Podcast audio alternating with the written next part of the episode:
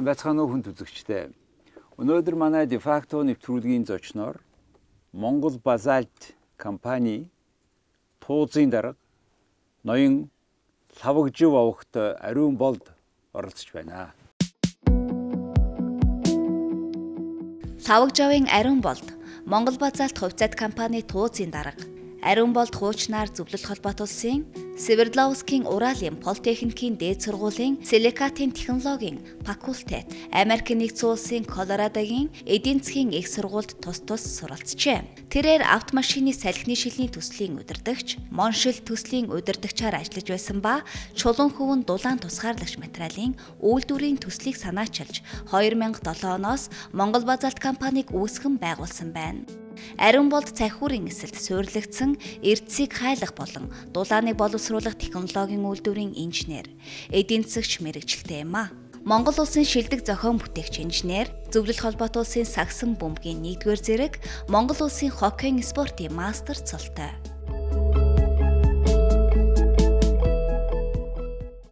За сайн байна уу та? За сайн байна. За та саяхан манай хөрөнгийнхөө бирж дээр Улаанбаатарт сайхан IPO буюу анхдагч хувьцаагаа гаргасан. Энэ тухайгаа ярьж өгөөч хизээ гаргасан, ямар байсан, одоо ямар болж байна, юу хийж байна. За ерөн бол манай компани 18 онд томоохон амжилтын нэг бол одоо хөрөнгөний зах зээл дээр IPO-го хийлээ. Энэ маань бол компани хөгжлийн бол одоо хоёр дахь том үе шат руугаа орж байна гэдэг үгнж байгаа. Монгол Узалт компани маань зах зээл дээр бүтээгдэхүүнээ гаргаад 12 жил төслөө хэрэгжүүлээд 15 жил болж байна.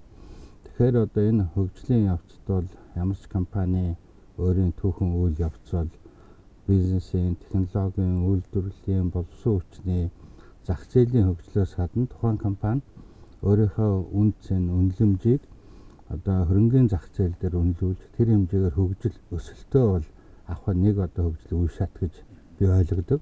Тийм учраас компанийнхаа дараагийн үе шатанд гарах томоохон хөгжил бол нээлттэй хувьцаат компани болох. За энэ зорилттой бол бид биелүүлж чадсан. Зах зээл дээрээс хөрөнгө оруулагчдын итгэлийг авч одоо энэ итгэлийг хариулах, энэ хариулахын тулд бол үйлдвэр технологийн одоо хөгжлөө улам одоо эрчимжүүлэх, зах зээл дээрх тэлэлтээ бий болгох, компани засаглалыг улам төгөлдржүүлэх, эл толд нээлттэй ажиллах зарчмуудаа илүү одоо нээлттэй болгох гээд олон одоо хууль дүрм журман захирагдахаас гадна мөн одоо өөрсдийн компани хүний нөөцөөс ахуулаад удирдлагын нөөц менежментийн нөөцийн хөгжлийг бол зөв талд нь тодорхойлох тэгээд Төв Азийн зах зээл дээр нэлээд одоо томоохон байр суурь эзлэхэд бол том одоо суур фундамент болж гисэн.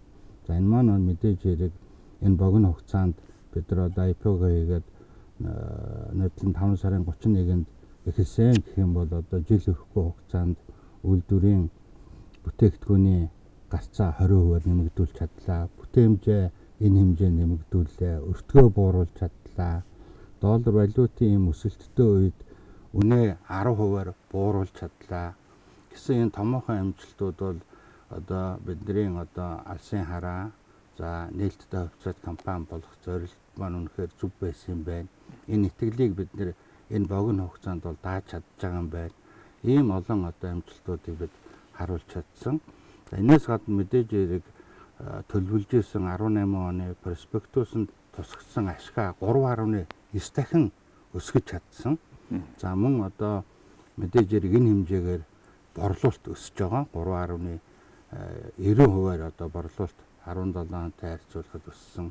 За мэдээж хэрэг энийг дагаад улсад төлж байгаа татвар маань 3 дахин нэмэгдсэн гэсэн үг байна. 3.5 дахин нэмэгдэж байгаа. Үу за. Тэгэхээр энэ маань мэдээж яриг зөвхөн компаниас гадна улс эдийн засаг тэгээ мэдээж хэрэглэгч төртөл үр дүнгээ өгч байна. Яг тэгвэл энэ том хөрөнгө оруулалтын үр ачаар бид нэр бүх хүмүүс үнэ нэмэхгүй байх яаж одоо валютын өсөлтийн үед багч гэсэн нэмхүү гэж хичээх бид нар зөрүүлээд 10% хүнээ болно. Энийг та ингээд энэ саяын өсөлтүүдийг бол нөгөө хөрөнгөний биржийн үн цаасны хорооныхон шаардлагаар вебсайтаараа тавиад явж байгаа. Тэгэл байна. Тэгэхээр та компани гаргахдаа хувьцааныхаа хэдэн хувийг зарсан нийт Бид бол эхний ээлжинд бол нийт хувьцааныхаа 30%-ийг хідээр зарсан тэгээд болсон.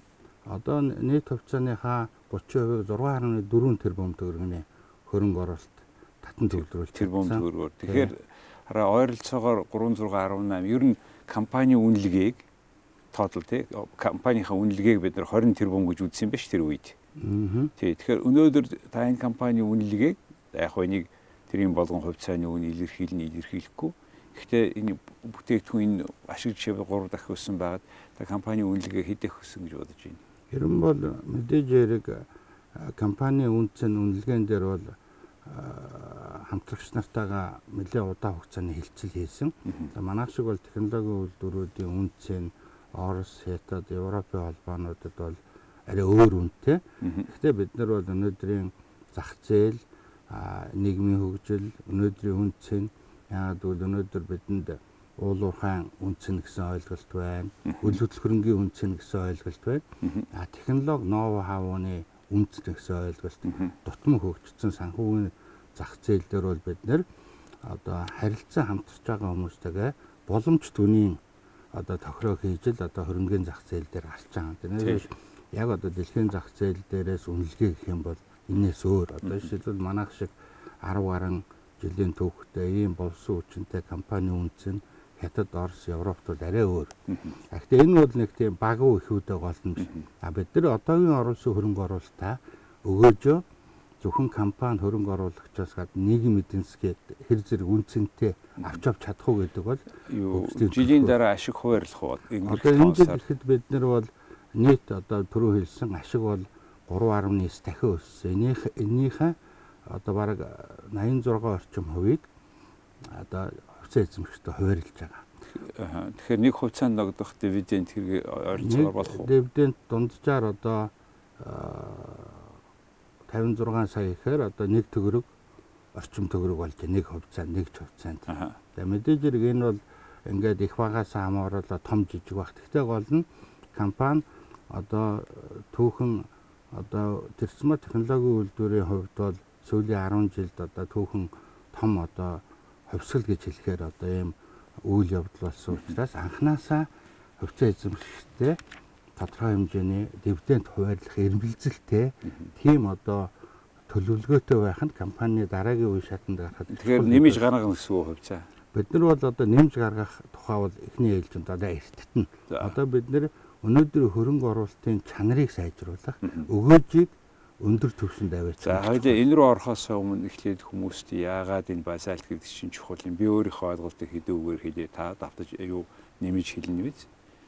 Монгол улсад энэ бүх барилга энэ энэ дулааны дамжуулах бүх янзын төр баг дулаалах хэрэгтэй байдаг. Энэ дулаалах хэмээг хуучин бид саяхан болтолдоо сүүлийн 12 жил та өдөөдөөсөн бид энийг шилэн хөвөн гэдэг юмар хийж исэн. А тэрийг та та Уралын политехникийн их сургуульд яг энэ чиглэлээр мэрэгжил эзэмшсэн инженер хүн. Тэгээ одоо 30 жилийн өмнө энэ мэрэгжлээр сурсан байна тийм ээ. Тэгээ гарч ирээд ер нь энэ дээр ажилласаар байгаад Монголд одоо базальт буюу чулуунаас хөвөн гаргаад тэр хөвөнгөөрөө барилга дулаалаад тэрний өгөөж нь шилэн хөвөнгөөс өндөр өгөөжтэй болоод эхэлмэгц одоо энэ барилгын чанарт өөрчлөлт гарч эхэлж байна. Тэгэхээр яг ийм юмыг монгол хүн монгол залуу өөрөө инженер хүн гэдэг насан туршаараа ингээд сураад оролдоод юм бүтээгээд тэгээ одоо зөвхөн материалд чанарын өөрчлөлт барилгын материалд чанарын өөрчлөлт гарснаас гадна маш том импортын барааг орлуулж байна. Тийм учраас зах зээл үнэлээ таныг ингээд одоо энэ 10 хэдэн жилийн хөдөлмөрийг чи үнэлж шít. Тэгэхээр ийм нөхцөлд өнөөдөр энэ зах зээлийг та одоо яаж харж байна? Яг ямар хуу өөрчлөлт болж сая миний ярьсан шугамар импортыг аль зэрэг орлож байна хаана хэрэгцээ байна энэ тухай ярьж өгөөч. Тэрэн бол зах зээлийн бол тэлэлт бол өсөн нэмэгдэж байна. Жишээлбэл одоо манай барилгын салбар бид бол барилга эрчим хүчний салбарт төлхөө бүтээгдэхүүнүүдийг гаргадаг гэж тооцохоор манай одоо барилгын дулаалгын материалын нийт зах зээл бол нэг 40 гаруй тэрбум төгрөг байна. Тэрний нэг 15-аас 20 тэрбум нь эрд сүүнгийн зах зээл гэдээ бодоход одоо бидний одоо барилгын компаниудын хөгжил Монголд хэрэгжиж байгаа томоохон төслүүд одоо шинэ нисгэн онгоцны буудлын төсөл Шангрила за ингээд томоохон одоо манай зайсан вилла за энэ одоо дээр нь Holiday Inn гэдэг энэ том төслүүд бүгд одоо гадны томоохон зурагчлалын компаниудтай ажиллаад хөгжөөд ирэхээр тухайн барилгад шаардлагатай гурван үндсэн шалтгаан байна. Эрчим хүчний хэмнэлттэй байх, галын аюулгүй байх, тэгээд тав тух гэдэг. Дотоод агаарын орчноор тав тух. Энэ маань барилгыг амьсгалдаг байлгах, дотоод агаарын орчин эрүүл байх энэ ойлголтуудад дагаад нөгөө барилгын материалын сонголтууд хийгдэж эхэлж байна. Тэгэхээр өнөөдрийн хэрэглэгч, өнөөдрийн компаниудын хөгжил Монгол базаалтын чулуу хүн хэрэглэх хэрэгцээг үнэлж энэ тал руугаа бол хөгжиж эхэлдэг. Тэгэхээр өнөөдөр барилгын зөвхөн барилгын эрчим хүчний дулаалагыг ярихгүй ш зөвхөн барилгын салбарт ашиглаж байгаа дулаалгын материалыг нийт 40 тэрбум төгрөгийн зах зээлийн 20 танаах юм уу? 20 эрдсүнгийн зах зээл. А эрдсүнгийн зах зээл. Энийний одоо бид нэр дунджаар энэ жил бол нэг 20% л эзэлж ш. Тэгэхээр бид нэр дөрөв орчим тэрбум төгрөг нь манай компани юм байна тийм ээ. Тэгэхээр бид нэр цаана 10 гаруй тэрбум төгрөг нөөц байна гэдэг бол нэгдүгээр бид нэр техник технологийн шинжилгээг хийж өртгөө хямдруулж зах зээлээ тэлэх асар том боломж байна гэж харагдаж байна. Тэгээд ч танаа энэ нөгөө одоо тэр 20 тэрбумын нөгөө 20 тэрбум нь болохоор шинийн хүн хിവэрэл юу? Одоо хөөсөн цөр, полиуретан гэх тээ одоо ийм төрлийн бүтээгдэхүүнүүд байх чинь. За тэгээд энэ хөөсөн цөр жишээвэл одоо галт аюултай. А танай материал чинь тэр би танай үдүрийг очиж үзсэн их гайхсан. Тэр одоо чулууг аваад нутаглаад кокст коксор хайлуулаад тэр тэр технологи гэсэн юм байна л да Одоо бид нар коксчдаг нүүрсээ металл хайлуулах гэж гадагшаа зараад шүү дээ. Гэтэл та нар металлаас өндөр градуст чулуу болохоор тийм ээ. Нөгөө төмрийн хүдрийг хайлуулахаас өндөр градус. Та нар хэдэн градус хайлуулдаг гэдэг? 1550 градус. А төмөр хэдэн градус хайлуулдаг? Төмөр бол 1350. Тэгэхээр 1550 градус чулууг хайлуулахын тулд чулуугаа аваад ороос нь кокс гээд хайлуулж шүү дээ. Тэгэхээр тэгэж хайлуулад Тэгээд яахаараа тэр хүмүүс шиг юм болчих вэ? Ингээд очиод үзэхээр ноолуур шиг юм болцсон байл ш. Тэр ямар яа тэр технологи та ярьж байгаа. Ерөн бол яг хуу эн чинь бол галтуулын лава. Бид нар галтуулны дотор болдог тэр процессыг 100хан дотор шинээр бий болгож байгаа. Шинэ галтуул бий болгож байна гэсэн. Тэгээд эрдийн ойлголтоор одоо элсэн чихрийг хөөсөн чихэр болдогдог шиг. Одоо тэр одоо 1500 градустай чулууны хайшийг одоо центр хүүг гэж одоо манайхнаар бол маш өндөр эргэлттэй. Минутанд 6500-аас 7000 эргэлттэй тусгай вакуум орчинд агаар цацруулаад хөвөнлөг одоо ноолуураас нэг дахин баг гэдэг чинь 8-аас 6 микронтой юм нарийн хүн үсгээд авчиж байгаа юм.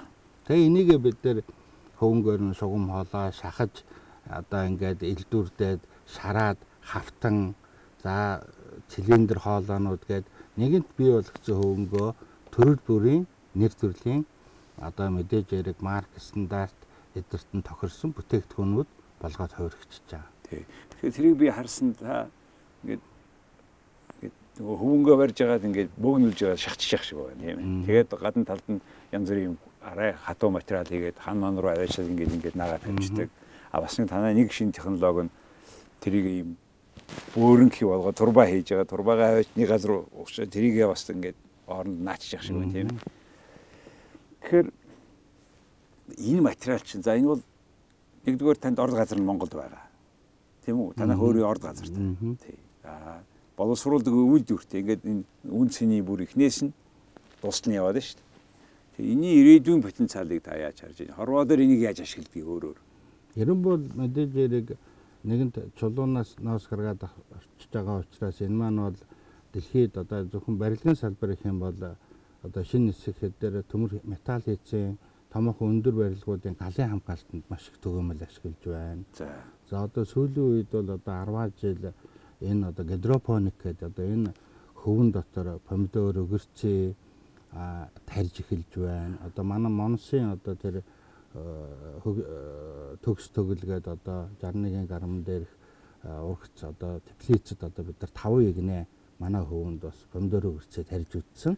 Тэгэхээр хөвөнгөө юм жижигхэн хавтан болгоод тэр дотор нь хийгээд байна да. Тийм дотор нь үр суулгаад. Үр суулгаад цаашаа нэг талаасаа хөвөн болохоор чигээ бариад идэг. Тийм. Гэхдээ бүрэн алдчихдаг. Тэгэхээр тэр тэр галын хамгаалт дээр ахид юм хэлэхгүй шатдаггүй юм байна тийм. Тийм одоо шийдвэл барилга одоо гал гарсан үед барилгын одоо үндсэн хийц металл одоо жишээлбэл цаана арматурта бетон хийцүүдийг галын одоо аюулаас гал команд унтраах 6 цаг 3 цагийн хугацаанд одоо жишээлбэл 1-ээс 2 см 3 см шүршлэг хийчихэд одоо жишээлбэл тэр барилга нурахгүй гэсэн үг. Нэгсэндээ ерөөсө барилга нурах үндсэн шалтгаан нь арматур эсвэл одоо металл хийж уярснаас болоод нурчж байгаа. Сая 10 оны 9 сарын 11-нд Нью-Йорк хотод хоёр том байшин гэдэг дэлхийн одоо бас сүр сүлд болсон хоёр байшин онгоцоор ингээд террористууд ингэж дэлбэллээ шүү.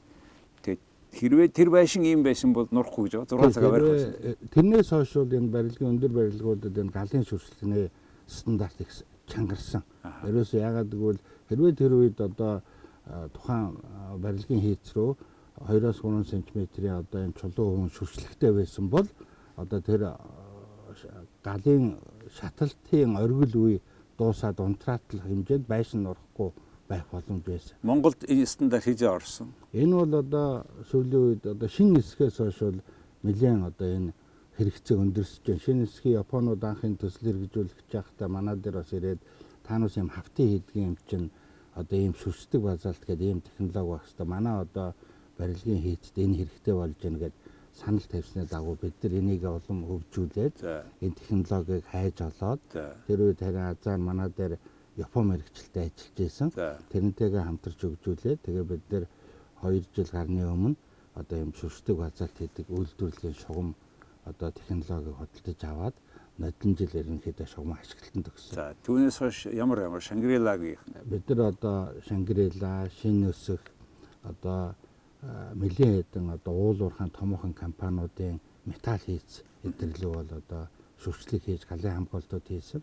За мөн одоо хуучин баригдсан хөөсөнцрөн сайндуучин байшингууд дотор нь одоо металл уураг металл уургийн цэхүүд, гагнуурын цэхүүд маш их санал тавьж байгаа. Нөгөө хөөсөнцрөн байшингийнхаа дотор талаас 2-оос 3 см 5 см-аар ийм одоо шүршдэг базалтаар шүршүүлэх юм бол нэгдүгürt галын хамгаалт хийчихэж байгаа. Хоёрдугаарт дулаан барих чадвараа сайжруулчихж байгаа тийм. Гуравдугаарт мэдээж хэрэг металл хийцээ дуу чимээг намсгаж өгч байгаараа үйлдвэрийн орчиндх дуу чимээ энэ одоо цойрлтдаг намсгаж ер нь орчин үеийн үйлдвэрлэлийн альва нэгэн объектыг орон сууцны ч гэсэн одоо тэр шүршихгүйгээр мөн ийм дулаалга хийхгүйгээр төсөөлөхөд улам хэцүү болж байгаа юм байна. Би саяхан уншсан тэр Tesla S гэдэг моделийг а урдлынх нисгийг манайхан Cooper гэж ярьдаг тийм. Тэрийг одоо энэ базальт файбер гэж юм бий болгоод тийм маш бүх тийм материал гаргаад байгаа. Энэ ямар учиртай? Яг яаж хийдгийг та тийм хийх үү? Бидний одоо дараагийн хөгжлийн нэг одоо технологийн хөгжлийн үе шат бол бид нар энэ одоо чулуунаас хөвөн гаргаад авсан бол дараагийн үе шат бол чулуунаас утас гаргаж авах. Тэгээ энийг бол одоо олон улсад бол файбер гэж байгаа. Тэр нь бол дэлхий дээр одоо нэлээд түгээмэл хэрэглэгддэг гурван янзын файбер байна. Нэг нь бол одоо шилэн файбер гэдэг. Бид нар одоо тэр шилэн файбераар шилэн даавуу хийдгийг сайн мэдэн шүү дээ, тий. Дараагийнх нь одоо нэлээд одоо өндөр технологид хэрэглэдэг карбон файбер байна, тий нүүр сүстрэгчээс гаргаж авдаг. За гурав дахь одоо том зах зээл дээр гарч ирж байгаа юм бол энэ базальт файбер. Базальт файбер яагаад ингэ сүүлийн 5 жил нэлээд ирчтэй тэр тусмаа одоо цахилгаан машин хөнгөн байх хэвээр эрчим хүч одоо баг зарцуулах хэвээр а тэгээд бат бөх байх хэвээр. Тэгтэл карбон файбераар хийхлээр машин үнэтэй дэдэг. Тэгтээ дэргөө нөгөө үнэтэй машин чинь. Тэгэхээр мэдээж хэрэг карбон файберын техникийн үзүүлэлтийг хангаж чадах мөртлөө карбон файбраас 3-аас 50 дахин хямдхан файбрыг базалтнаас гаргаж авч болж байна. Тэгэхээр бидний дараагийн үе бол одоо бид нар нэгэнт гүүбэр хийж байгаа бол энэ ширээ хийж болно, цан хийж болно, чарга хийж болно.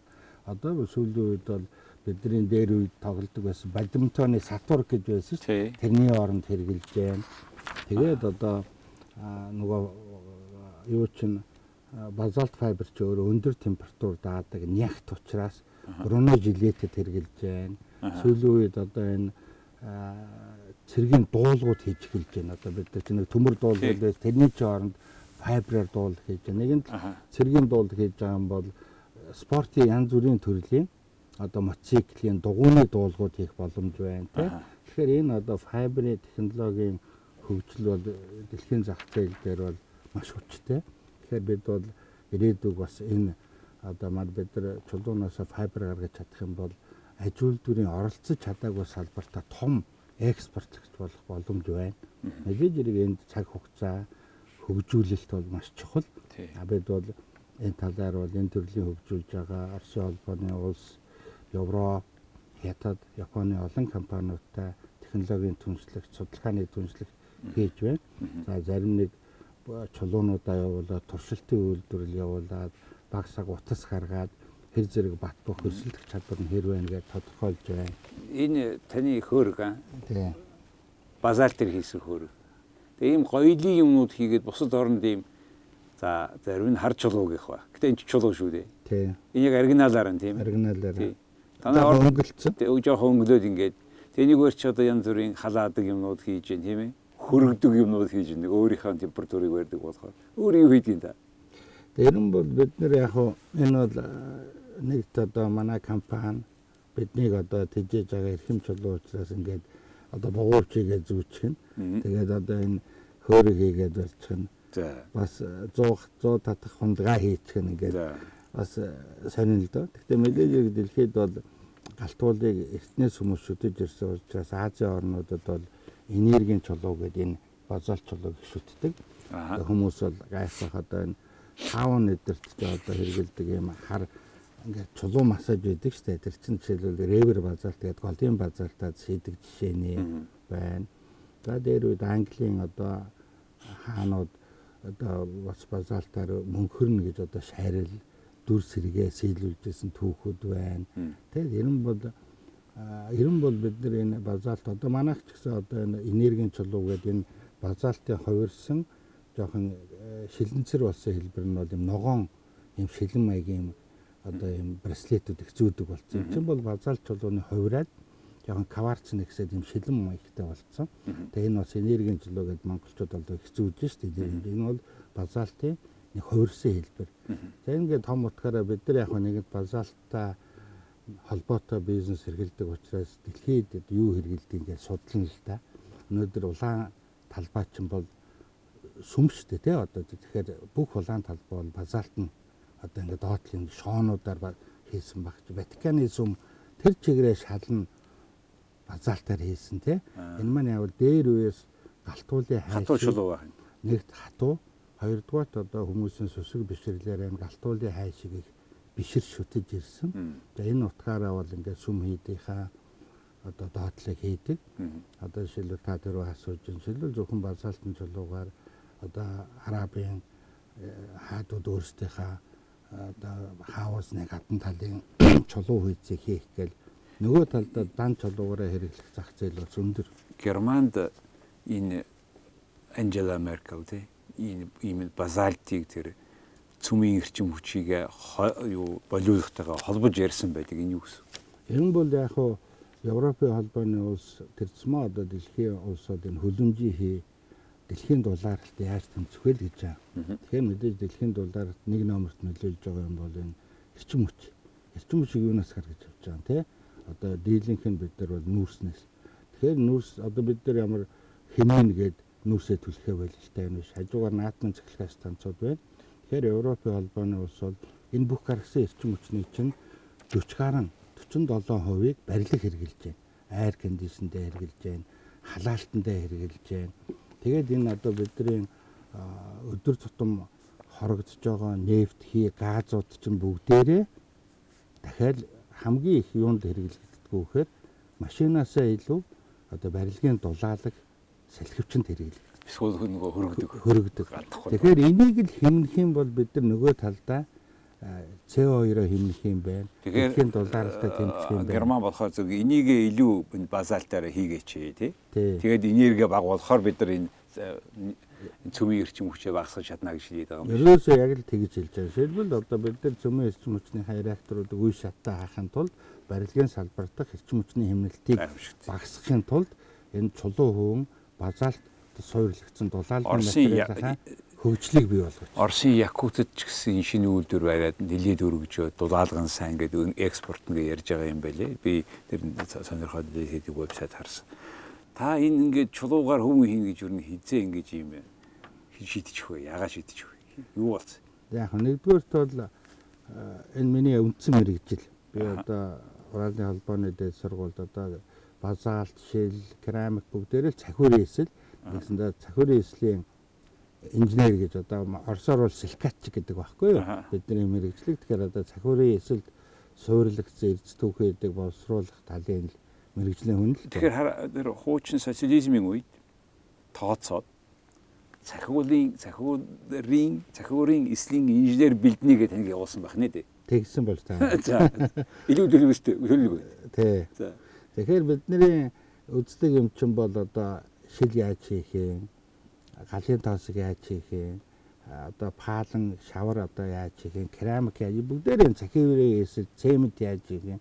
Тэгээ миний 3 дугаар курсын ажил бол энэ одоо эрдсүн дөрөвдүгээр курстээ би шилний үйлдвэр дээр башкирт ажиллаж байсан. А төгсөхдөө бол би одоо манай хөтлийн цементийн үйлдвэртэй адилхан 180 м урттай цементийн үйлдвэрээр дипломын ажлыг бичижсэн юм л да. Башкирт ажиллаж байсан. Тэгээ башкирийн одоо шилний үйлдвэрт би бол нэлээд бизнес одоо оюутан байхдаа дадлаг хийж ялээ. Сүүлд нь бас нэлээд холбогдож ажилласан. Энэ маань 90 оноос зах зээлд ороход би машины шилний үйлдвэр байгуулъя гэж зориод ингээ ажилласан. Тэгээ тэрнээс хойш одоо ингээл Гэхдээ та машины шил үйлдвэрлэж ийсэн шүү дээ. тэгсэн. Тийм ээ. Тэгээ одоо машинуудынх нь нөгөө өөрсдийнх нь шил эртэл ямар ч гэсэн хагар хаан танаад очиж янзуулдаг. Юу вэ тэр компани нэр чинь? Чин компани Чин компани. Тарилавсны деподоор анх Тий. энэ шинэ тарилавсуудын шилийг хийж өгч Тэгээ 90 оны эцсээр шил хагарахаар яхаа өгөхгүй Монгол хийдэг болцсон байлээ гэх хүмүүс явж исэн ихэд. Тэгвэл Москвичны шил бол маш их хийсэн дээ. Та сайн дурын олон нийтийн хоёр ажил байна. Үндэсний танхим дээр удирдах зөвлөлд байгаа. Барилгын үндэсний ассоциацийн удирдах зөвлөлийн гишүүн. Танай барилгын ассоциац 4 сарын 25-нд байхаа том арга хэмжээ зохион байгуулж байгаа. Энэ ямар учиртай? Одоо манай барилгын үндэсний ассоциац байгуулагдаад 10 жил болж байна. За. Энд бол одоо Монголын барилгын салбарт эрчим хууч, дулааны салбарт одоо зураг төсөл гээд барилгачин бас их олон салбартай шүү дээ. Ингээд томоор нь ярих юм бол энд одоо идэвхтэй маш идэвхтэй үйл ажиллагаа явуулдаг 100 гаруй компаниудыг нэгтгсэн За. ийм холбоо. За энэ хугацаанд мэдээж яриг манай барилгын салбарт тулгамдж байгаа асуудлууд, хууль зүйн эрх зүйн асуудлууд, хэрэглэгчийн одоо бас э, ямар хүсэл эрмэлзэлтэй барилга байшин хүсэж байна. Тэрийг яаж хөгжүүлэх вэ энэ одоо ассоциац дээр бол маш олон арга хэмжээнүүд хийгдэг. Бид тэр цэма барилгын яам төр засагтайгаа энэ одоо хувийн хвшлийнхаа дуу хоолой байх тэдний илэрхийлэл болохыг бол зорж ажилладаг нэг төрийн бас байгууллага. Та өнөөдөр барилгын салбарт тулгарч байгаа хамгийн нэгдүгээр асуудал юу вэ? Бэрхшээл. Тэгээ ерөн бол барилгын салбарт тулгарч байгаа Сорил юм уу да? одоо хамгийн том э, үндсэн асуудал бол боловсруучны асуудал болж хувираад байна. За. Боловсруучны. Яагаад гэвэл барилгын салбарт ажиллаж байгаа мэрэгчлээ боловсруучны хөгжлийн асуудал бүр бас дахиад тулгамдсан асуудал. За. Яагаад гэвэл хуучин бол 2000 оны ихээр бол одоо хятад ажилчид их оруулж ирж барилгын томоохон хөгжлийн асуудал гэдэг шийдэхэд бас оролцож байсан. За. За одоо сүүлийн үед бол барилгын салбарт бол энэ мэрэгчлээ болсон хүчний асуудал бол хөрөнгө оруулалтаас илүү тулгамдж байгаа нэг асуудал байна. Тийм учраас бол манай барилгын компаниуд ч одоо энэ тал дээр их анхаарч ажиллах хичээж байна. За төр засагч гэсэн одоо мэрэгжил сургалтын төвүүдийг хөгжүүлнэ гэдэг зорилт бол гэж байна. Гэхдээ хүссэн хэмжээнд хүрч чадахгүй байна л да. За. Хүссэн хэмжээнд бол суучны асуудал. За. За энэ бол мэдээж хэрэг а, хүнийг одоо 10 жилийн боловсрлоос нь л анхаарч энэ талд анхаарахгүй бол нэгэнт нас бий тогтоод одоо дундаж одоо мэдлэг суурьтай болсны дараа дахин сургалт явуулах, дахин одоо мэрэгжил болох процесс бол бас одоогийн одоо бид нар ч хуучин шавар цемент а, тоосох бодож байсан бол өнөөдрийн барилгын салбарт дах хөгжил технологи хүнээс мэдлэг чадвар шаарддаг. Мэдлэг чадвар. Та их чухал асуудлыг сөхч энэ хүмүүс голдуу борлуулалт зах зээл үн гээл ярьдаг. Гэтэл хөнгүүгээр барилга барьж болохгүй ш. Ямар технологитой байсан гэсэн тий.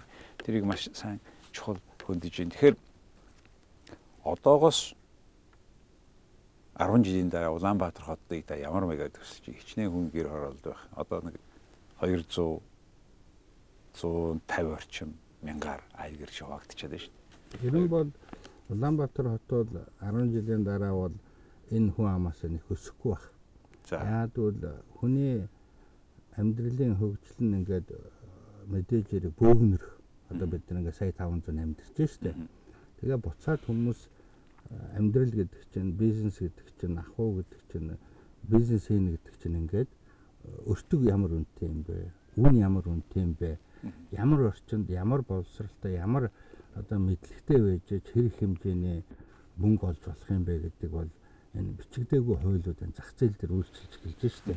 Тэгэхээр яванда энэ төвлөрөл өөрөө тэгээд одоо саарах байх гэж бодож.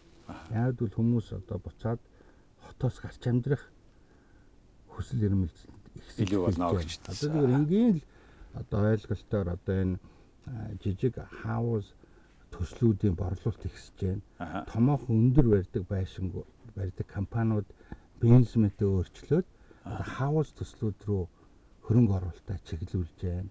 Солонгос хятадын болон бусад гадны барилгын салбарт хөрөнгө оруулдаг компаниуд одоо уулын ам хотоос 30 20 км-ийн зайтай энэ бүсүүдэд дэд үтсээ өөрсдөө хийгээд. Өнөөдрийн технологи заавал одоо төвлөрөлийг сааруулчлаа гэж байна. Төвлөрсөн одоо халаалт байх шаардлагагүй болж байна. Та дэлхийн таны хийж байгаа ажил чи өөрөө дэлхийн материал. Хизээ олон улсын зах зээлд байгаа. Хизээ гарах. Хэрэн бол бид нар бол ойрын үед гарах зорилт тавьж байгаа. Тэгвэл хамгийн том боломж бол мэдээж хэрэг манай хоёр хөрш бол бас том үйлдвэрлэгч. Жишээлбэл Оросын албаны улсад өөрийнхөө дотоодын зах зээлийг хамгаалсан гайлын тарифтай жишээлбэл одоо Орос руу гаргах юм бол 25 орчим хувийн татвар төлж гарна. Хятад бол хуучин 18-аас 22% байсан. Харин сая одоо 2 дугаар сард хятад улс цэвэр чулуун хувьд чулуу хүн чинь дотор их олон янзтай холцтой холцгүй шаа. Танайх цэвэр чулууны хувь тий. 100% чулуу хувьд гайлын татвараа 22-оос 5% болж бууруулсан. 5%. Аа тэгэхээр бидэрт бол том өрсөлдөх чадварыг өгч. За их баярлалаа. Та үнэхээр Монголд Монголоор дөрвөн чулуу шүү дээ үндсэндээ. Чулуугийн доллар болгож байгаа чухал ажил хийж байна. Олон хүн ажиллуулж байна. Энэ Монгол залуу өөрөө энэ технологиг хийгээд гаргаад өөрөө хийгээд шүү дээ энэ чинь бас. Тэгээ ийм ажил хийгээд өнөөдөр гэтэл зах зээлийн 4 тэрбум төгрөгийг материалыг гаднаас авсан бодгийн хэмжээний доллар гарах байхгүй ядаж. А гэтэл одоо энийг төгшөөд босгоно. Тэгээ бүр доллар авчирна гэж ярьж. Хин нэг нь ингэж хийсэн ийм амжилттай түүх энийгээ бид бас ярмаар байна. Тийм учраас таныг өрсөн хүмүүс санаа бодол авна вэ зурам зориг дэлхийг харж ажиллахыг юу хийдгийг харна вэ. Тэгэхээр ийм чухал ажил хийсэн танд танай хамт олон талархаж байна. Баярлалаа. Тэгээд үнэхээр бүс нутгийн хэмжээнд Монголын нэрийг гаргасан тийм компани болоосаа гэж ерөөж. За хүн үзэгчтэй өнөөдөр манай дефакто нэвтрүүлгийн зочноор энэ Монгол Базальт гэж компаниг үндэслэн байгуулсан. А энэ хүн энэ, энэ компани одоо хувь цагаа гаргацсан хувь цаад компани, хувь цагийг энэ авч болно. За энэ компанийг одоо байгуулад ажилуулад тэгээ одоо бол туулзын даргыг хийж байгаа ноён лавгжив огт ариун болтой ярьслаа. Баярлалаа.